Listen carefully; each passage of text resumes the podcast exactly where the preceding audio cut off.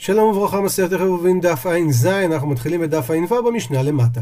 אומרת המשנה, הכותל שבין שתי חצרות, שהוא גבוה עשרה ורוחב ארבעה, מערבים פה שניים, דהיינו שני עירובים, ואין מערבים אחד, זה מהווה מחיצה. אומר רש"י, זה שנקט רוחב ארבעה זה רק משום הסוף של המשנה, נקט את זה, כי שם רצינו לשנות, היו בראשו פירות, אלו לי מכאן ואוכלין, ובלבד שלא יורידו למטה, למה? כי ברגע שהכותל, הרוחב שלו זה ארבע טפחים, הוא חשוב רשות באנפי נפשי בפני עצמו, והוא לא בטל לא לגבי החצר הזאת ולא לגבי החצר השנייה. אבל לעניין מי הווה מחיצה, בכל דאו פוטיה הווה סתימה.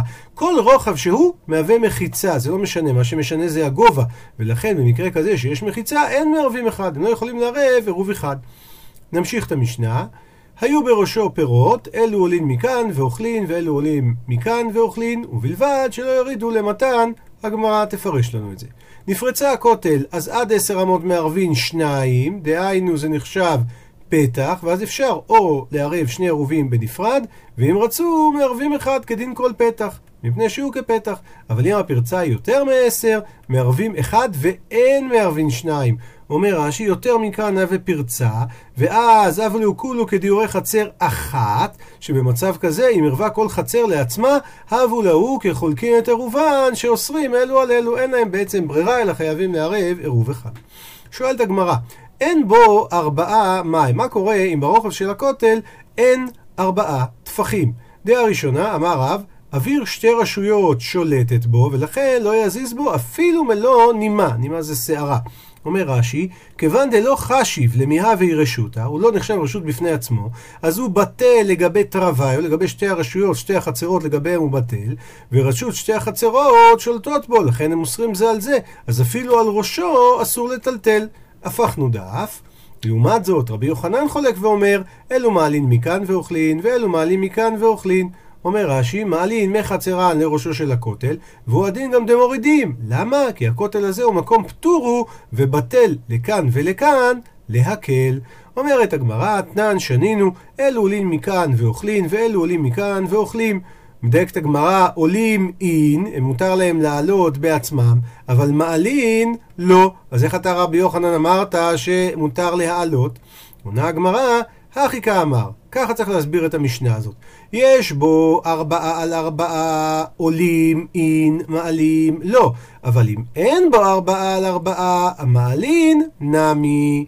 מסביר רש"י, מקום שאין בו ארבעה רוחב, והוא עומד בין רשות היחיד לרשות הרבים, ויש לנו היכר, כגון שהוא גבוה מן הארץ שלושה טפחים, אז אילו היה רוחב ד' הוא היה נקרא רשות לעצמו. והיינו קוראים לזה כרמלית, שאסור לכאן ולכאן. אבל עכשיו זה נקרא מקום פטור, כי הוא לא רחב ד' על ד', ולכן מותר לכאן ולכאן אפילו לכתב עליו את המסוי שלהם. וזה בעצם מה שהגמרא תגיד עוד רגע. ואזדה והולך רבי יוחנן לטעמי, לטעמו גם מקום אחר, וקיאת הרב דימי אמר בשם רבי יוחנן, מקום שאין בו ארבעה על ארבעה, מותר לבני רשות הרבים ולבני רשות היחיד לכתף עליו. רק מה? צריך לשמור, ובלבד שלא יחליפו, רש"י, ובלבד שלא יחליפו דרבנני, זה האיסור דרבנן. דהילו חיובה ליקה, כן, גם אם הם יחליפו, האיסור שהם יעברו לו ורק איסור דרבנן, כי אין גם חיוב, למה? דבעינן הקירה מרשות זו, והנחה לרשות זו, כדי שיהיה חיוב.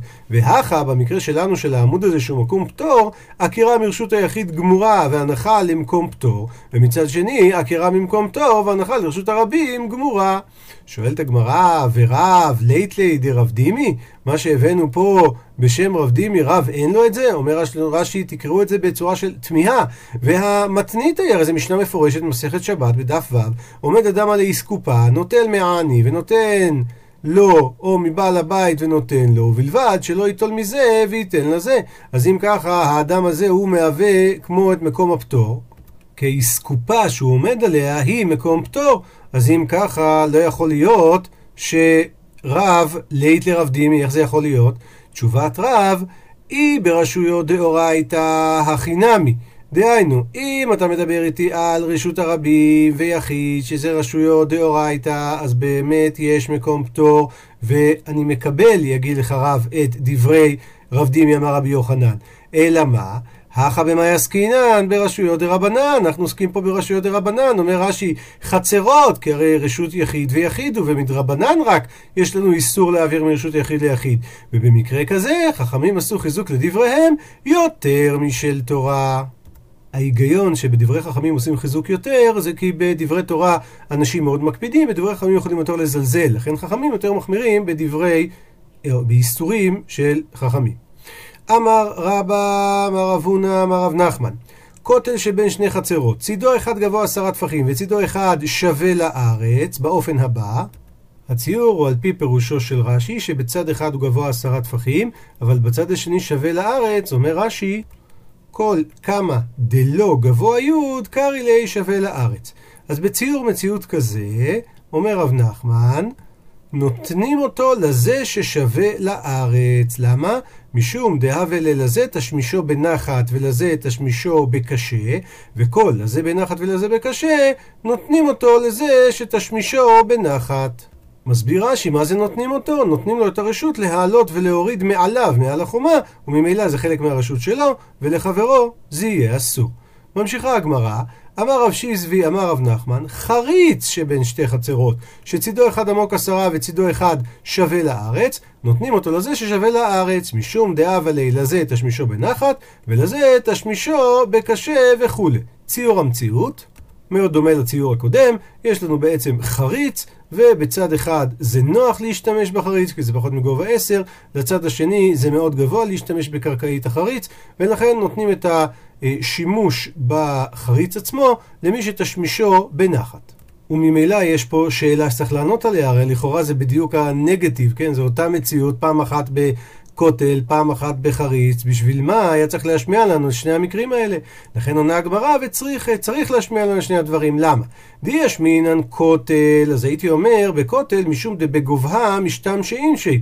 אנשים רגילים להשתמש בדבר הגבוה, ולכן אנחנו מבינים שזה נחשב נוח תשמישו. אבל חריץ באומקה לא משתם שאינשי. אנשים לא רגילים להשתמש בדבר שהוא נמוך מהם. אימה לא, אז אולי לשניהם זה יהיה קשה. לכן צריך להשמיע לנו שלמי שזה פחות עמוק, אליו זה נחשב באופן יחסי התשמיש הנוח וזה שייך אליו.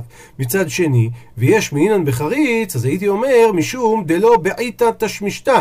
בעיתא, כבר ראינו את זה, זה משהו שהוא מפחיד, לא מפחיד להשתמש בו. אומר רש"י, למה לא בעיתא תשמישתא? כי מה שאתה מניח בו משתמר, במובן כזה שהוא לא ייפול. אבל כותל, שזה דבר גבוה, דבעיתא תשמישתא, אומר רש"י, כי נופלים החפצים ויכולים להישבר ממנו, אז אימה לא, אז אולי הקריטריון לשימוש נוח זה לא רק האם אתה מגיע לשם בקלות, אלא האם גם אנשים משתמשים בזה בפועל, כי אם משתמשים, אם ישימו שם דברים וזה ייפול, זה לא נחשב נוח, האם לא. לכן צריכה, לכן צריך להשמיע לנו את שני הדברים. ממשיכה הגמרא, בא למעטו, אם יש במיעוטו ארבעה, מותר להשתמש בכל הכותל כולו, ואם לאו, אין משתמש אלא כנגד המיעוט. מסביר לנו רש"י, בא למטו, על הכותל הוא מדבר, כסר כדתך, בשלב הזה אנחנו חושבים שהוא עשה תל עפר למטה בקרקע סמוך לכותל, או שהוא בנה איזשהו אצטבה, מדף, או הניח שם פספסים, כן, חתיכות אה, עצים, אז אם יש במיעוטו ד' אורך בצד משך הכותל, הווה כפתח, וכיוון דממנו ולמעלה זה לא גבוה עשרה, אז הוא יכול להשתמש בכל, בכל הכותל. למה? שהרי תשמישו בנחת, שהוא עולה לו דרך פתחו. שואלת על זה הגמרא, מה נפשך? לא ברור. הרי אי ההני מיעוטה, אז בכולי כותל השתמש. אם מועיל ההגבהה שעשית במקום קטן, אז ממילא זה כמו הפתח לכותל, ואתה יכול להשתמש בכל הכותל. ואי לא ההני, אבל אם זה לא מועיל, אז אפילו כנגד המיעוט, נמי לא, גם יעשו לך להשתמש. לכן אמר אבינה, לא כמו שחשבת שהוא בנה פה עכשיו איזשהו תל עפר, אלא כגון שעקר חוליה מראשו באופן הבא. הוציא איזושהי חוליה מראש הכותל, ואז במקום שהוא עקר את החוליה, נוח להשתמש. ורש"י מסביר איך זה עונה על ממה נפשך. אי הווה מיעוטה ארבעה אורך, אז זה נחשב פיתחה לכל הכותל. אבל בציר מהאחי, פיתחה הוא דלא הווה, באמת פחות מזה אה, פתח זה לא יהיה, אז תגיד למה מותר להשתמש? כי אבל ישתמו שרי, כיוון דלא גבוה עשרה, לא הווה רשותה, אין לנו בעיה להשתמש, כי זה בעצם אותה רשות כמו שהוא עומד בו. ממשיכה הגמרא, אמר רב יחיאל, כפה ספל ממעט. אומר רש"י, כפה סבל, סמוך לכותל, וככה הוא מיעט את הגובה של הכותל מעשרה. רש"י אומר, כל העני מיעוטה, כגון דלק היוד מראשו לראש הכותל. כן, זה הכוונה כאשר אומרים ממעט. שואלת הגמרא, ועמאי, למה המיעוט הזה נחשב? הרי דבר הניטל בשבת הוא, ודבר הניטל בשבת אינו ממעט. עונה הגמרא, לא צריכה. דחברי בערה, הוא חיבר את זה לרצפה. שואלת הגמרא, וכי חברי בערה, ואם הוא חיבר אותו ברצפה, מה יהווה? מה זה מועיל? והתניא והרי שנינו פגע שהטמינה בתבן. אומר רש"י, פגע זה תאנה בוסר, שטומנים אותה בתבן כדי שהיא תתבשל, כן? דהיינו, אפשר יהיה לאכול אותה. ותבן הוא מוקצהו, ואסור לטלטלו, למשל באיזה מקרה, כגון שהקצהו לליבון לבנים. אז בעצם הוא יהיה ממש מוקצה אה, מחמת חסר ונגיס אפילו, כן? אז אה, פגע שהטמינה בתבן, או חררה שהטמינה בגחלים. אומר רש"י, חררה שהטמינה אתמול בגחלים, ועכשיו הם קבעו, אבל מכל מקום הם מוקצים. מה שאומר, אם הם לא קבעו, אז ודאי שלא. למה? כי מתוך שהם נהפכים כאשר אתה מזיז את החררה, יוצא שאתה מכבה את התחתונות, מבעיר את העליונות, וזה ודאי דבר שיהיה אסור. לכן צריך להעמיד שהגחלים כבר קבעו אתמול. בכל מקרה, הפגה הזאת והחררה הזאת, היא מגולה מקצתה ניטלת בשבת. ולפי זה, גם אם הספל חיברת אותו ברצפה, הרי אם הוא מגולה, מותר להזיז אותו, כי האפר עצמו, שזז כבדרך אגב, זה בדיוק כמו התבן, זה בדיוק כמו הגחלים, שיזוזו. אז אם ככה, זה לא עוזר לך. עונה הגמרא אחא מעסקינן דאית לי עוגנים. אומר רש"י, דאית עוגנים כאין ספלים שלנו, דעכשיו האפר מונח עליהם, ואז אתה מזיז את האפר במקומו, ואתה דומה לחופר. באופן הבא, האפר נמצא על העוגנים של הספל. ממשיכה הגמרא לשאול, וכי אית לעוגנים, ואם יש לו עוגנים, מה יהווה? אז מה, מה זה עוזר? והאתנן והרשנינו, הטומן לפת וצנון תחת הגפן, בזמן הפכנו דף שמקצת עליו מגולין, אינו חושש. לא משום כלאיים, ולא משום מעשר, ולא משום שביעית, וניטלין בשבת. מסביר לנו רש"י, כאשר מקצת אליו מגולים, משום שבת נקט לי, כן, זה לגבי שבת רלוונטי, דבאי למיתני ניטלים בשבת, דהיינו, שנוטלים ואוחזים אותם, בעלים שלהם, והוא לא חושש במקרה הזה משום כלאי הכרם, כי זה בעצם לא נחשב שהם שתולים, ולא משום שביעית, אם זה שנה של שביעית, אז שוב אסור לעקור, אבל זה לא נחשב שהם שתולים, כי המקצת עליו מגולים, וגם לא משום מעשר, כן, אומר רש"י, לשם הנשרש ונתווסף, ואם היה חושש למעשר, היה צריך להסך את התוספת, אז גם פה ליקה למיכה שלאחי, כי הוא לא נשרש. אז אם ככה, אנחנו אומרים, מה זה עוזר שאתה שם את האדמה על העוגנים? ברגע שהוא מקצת מגולה, אפילו משום שבת, אנחנו לא חוששים, אתה יכול להציל את זה. עונה הגמרא, לא, צריכה דבאי מרה וחצינה. מרה וחצינה, רש"י אומר פה פושייר ודולריה, אומר פה רש"י בלעזר רש"י מעדר ומעין גרזן, איזשהו עת חפירה, שמת את האדמה בצורה כזאת שאתה כבר ממש צריך לעשות אה, עבודה רצינית. וחפירה כזו זה כבר איסור דאורייתא, לכן אין חשש שאתה תבטל את המיעוט שעשית לכותל. ממשיכה הגמרא, סולם המצרי אינו ממעט, והצורי ממעט, כן, שני סוגי סולמות, שואלת הגמרא, היחידה מסולם המצרי, איך בדיוק זה נראה? אמרי דברי ינאי, אמרו בבית המדרש של רבי ינאי, כל סולם, כל שאין לו ארבעה חבקים. אומר רש"י, חבקים, איזושהי מילה פה, אישקלוניאש, אה, בלעזי רש"י, מדרגות, כן? אז אם אין לו ארבעה שלבים, זה, הסולם הקטן הזה, הוא נחשב סולם אה, מצרי, שאותו הוא לא ממעט. למה? אמר לרב אחא ברי דרבא לרב אשי, מהי תמה? הנה, מה הסיבה ששלום המצרי דלא ממעט?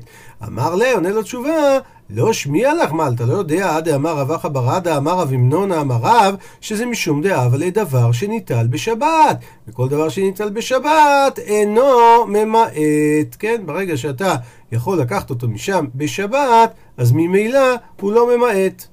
רק נזכיר שהחשש הוא בעצם שיתלו אותו משם, ועדיין אנשים יבואו להמשיך ולטלטל כאשר אין כבר את המיעוט. אומרת הגמרא, היא אחי אפילו צורי נמי, הרי זה סולם יותר גדול, מה ההבדל? אולי גם, אולי גם אותו ייקחו משם. עונה הגמרא, הטם כובדו כובעו. כן, אומר רש"י, מתוך שהוא כבד, אין נוטלים אותו משם, ולכן לא משום איסור, אלא משום שקשה לתלוע, אין איזה חשש, אלא יש בפועל מציאות. הדבר הזה הוא דבר כבד, ולכן אין חשש שיזיזו אותו. ממשיכה הגמרא, אמר אביי, כותל שבין שני חצרות, הוא גבוה עשרה טפחים, והניח סולם רחב ארבעה מכאן, וסולם רחב ארבעה מכאן, ואין בין זה לזה, דהיינו בין ראשי הסולמות שלושה טפחים, ממעט, אבל אם יש שלושה, אינו ממעט. ולא המרן, אלא דלא אבי כותל, אם הכותל עצמו הוא לא ארבעה, אז אנחנו מסתכלים האם יש כאילו לבוד בין הסולמות, דהיינו שלושה טפחים, או לא. אבל אם אבי הכותל ארבעה טפחים, הכותל עצמו זה הרוחב שלו, אז אפילו אם הסולמות מופלג טובה, מופלגים יותר משלושה טפחים, זה מספיק נמי. הנה ציור, סולמות שרכבים ארבעה מצד לצד, אם אין ביניהם יותר משלושה טפחים, אז ממילא אני יכול להגדיר את הדבר הזה כמיעוט, ואפשר יהיה, הנפקא מינה, לערב בין שני החצרות. אם רוחב הכותל למעלה הוא ארבעה טפחים, אז אנשים, לא משנה מה המרחק בין שני הסולמות, נוח מאוד להשתמש, ללכת פה למעלה, כן, כמו שציטוט רש"י, שהרי עולה לראשו ומהלך בראשו עד שמגיע לסולם חברו, ולכן גם זה נחשב מיעוט של הכותל. ממשיכה הגמרא להביא עוד מקרים שממעטים את הכותל. אמר רבי בר אביי, אם בנה אצטבה על גב אצטבה.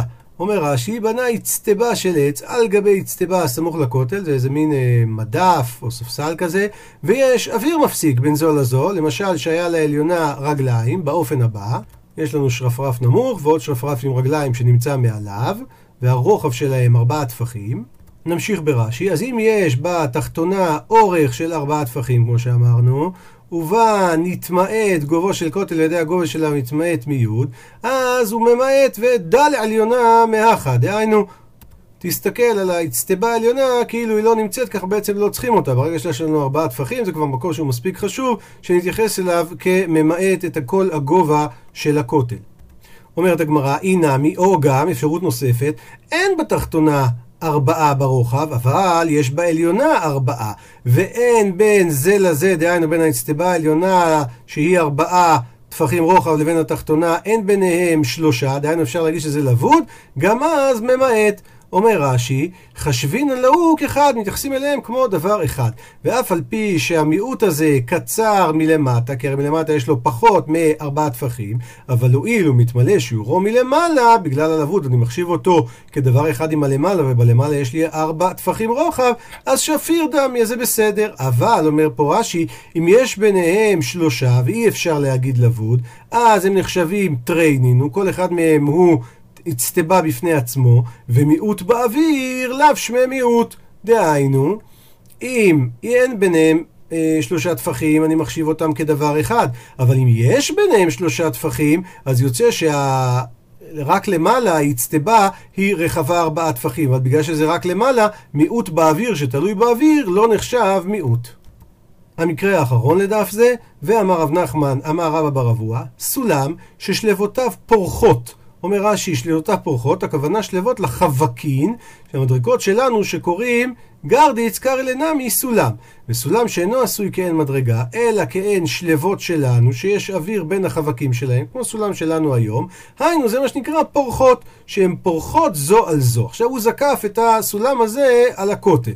אז אומר, אם יש בשלבה התחתונה ארבעה, אז ממעט, כן, אם יש ארבעה טפחים ברוחב של ה... שלב התחתון, אז זה ממעט מגובה הכותל. אינמי, או גם, אפילו אם אין בשלבה התחתונה ארבעה, אבל יש בשלבה העליונה ארבעה, ואין בין זה לזה, ואין בין החבקים, בין המדרגות האלה, שלושה, וממילא זה כמו לבוד, ממעט, בדיוק כמו העיקרון של המקרה הקודם, וגם כך אומר רש"י, ובה נתמעט הכותל מעשרה וממעט, או אינמי כדי פרשית גבי אצטבה, ששלבה התחתונה נמי, אם היא לא מובדלת מן הקרקע, שלושה כאמר.